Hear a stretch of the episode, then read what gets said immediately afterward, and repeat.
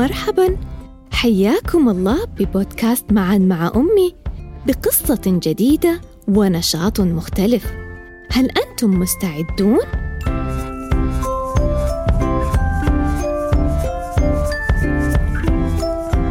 وضحى الفراشة الصحراوية.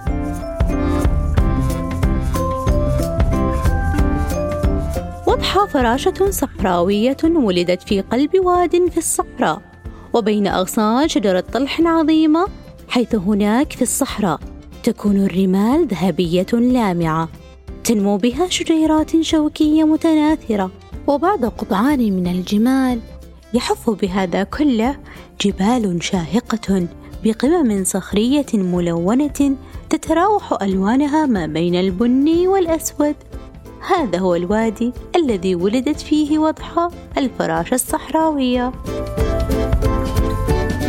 وفي الليالي الصحراوية الصافية يهب نسيم الصبا المنعش وينعكس ضوء القمر على التلال والصخور والرمال فتصطبغ بنثار فضي مشعشع تماما كأجنحة وضحى الصغيرة وفي شتاء ذلك العام هطلت على الوادي أمطار غزيرة فتحولت وديانها إلى أنهار مؤقتة وقممها إلى شلالات طارئة.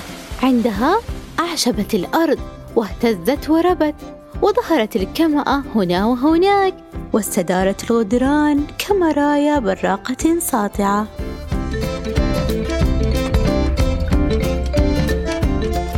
وفي ضحى يوم من أيام الشتاء الدافئة وبينما وضحى تتنقل بين زهور الخزامة والعرار والأقحوان متمتعة بجمال الأرض حولها سمعت حفيفة ورفرفة أجنحة مرتفعة قادمة من الشمال فالتفتت إلى مصدر الصوت.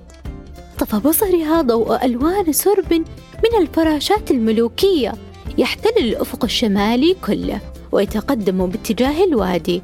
أخذ هذا السرب يقترب رويدا رويدا حتى انتشر في الوادي وقف على كل زهرة تلتمع فيه.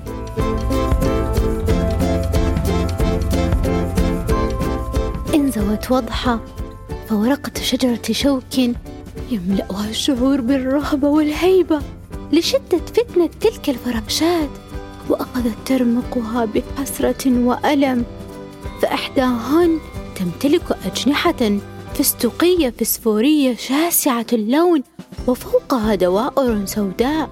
أما الأخرى فكانت أجنحتها ذات لون قرمزي لامع. أما عيناها فتبرقان كاللهب وكانت هناك مجموعة أخرى من الفراشات ذات أجنحة فيروزية كالبحر الذي تخالطه حمرة الشفق في حين تلتمع قرون استشعارها بلون الفضة لتنتهي بحبة لؤلؤ. وهكذا في هذا المهرجان الكبير المفعم بألوان زاهية كانت كل فراشة تباهي الأخرى بفتنة أجنحتها حينها سألت الفراشة وضحى شجرة الطل. لم لا أمتلك أجنحة مثلهن؟ فأجابتها شجرة الطلح بصوت رحيم. لكل شيء حكمة في هذا الكون ولم يخلق الله من خلق عبثا. صمتت وضحى متألمة وظلت طوال اليوم في مخبئها تخجل من مغادرته وتسلي نفسها بمراقبة الفراشات الملوكية خلسة. ومالت الشمس اتجاه المغيب وسطع نورها فوق أجنحة الفراشات الملوكية فصارت تبرق بألوان أخاذة مذهلة. وفجأة علقت من خلف كتف الجبل في الوادي سبعة طيور بيضاء كبيرة بمناقير حمراء حادة وفي لمح البصر انقضت الطيور على الفراشات والتهمت معظمها بسرعة هائلة. ثم اختفت وراء كتف الجبل. أرعب ذلك وضحى.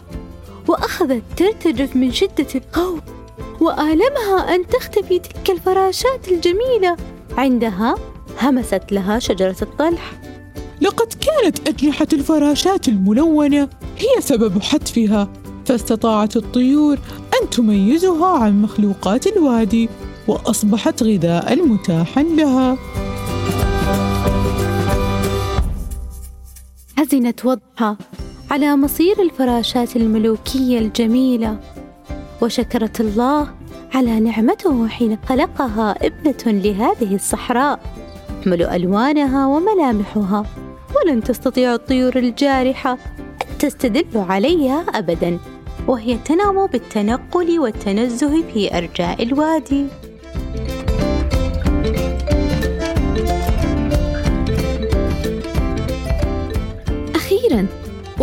سماعكم للقصة ومعرفتكم بأن وضح فراشة دون ألوان. نشاطنا لهذا اليوم أن نزين منزلنا بزينة ذات ألوان زاهية لاستقبال ضيف عزيز علينا. هل تعلمون من هو؟ إنه شهر رمضان الكريم أعاده الله علينا وعليكم باليمن والبركات. شاركونا صور تزيينكم عبر هاشتاج معا مع أمي. ولا ننسى ما اعتدنا على فعله. هل نسيتم؟ هيا إذا فلنحضن أنفسنا ونردد. أنا مميز. أنا فنان. أحب نفسي. أنا قارئ اليوم. أنا قائد الغد. شكرا على حسن استماعكم. ونلقاكم مجددا بإذن الله في حلقة جديدة من بودكاست معا مع أمي. في أمان الله.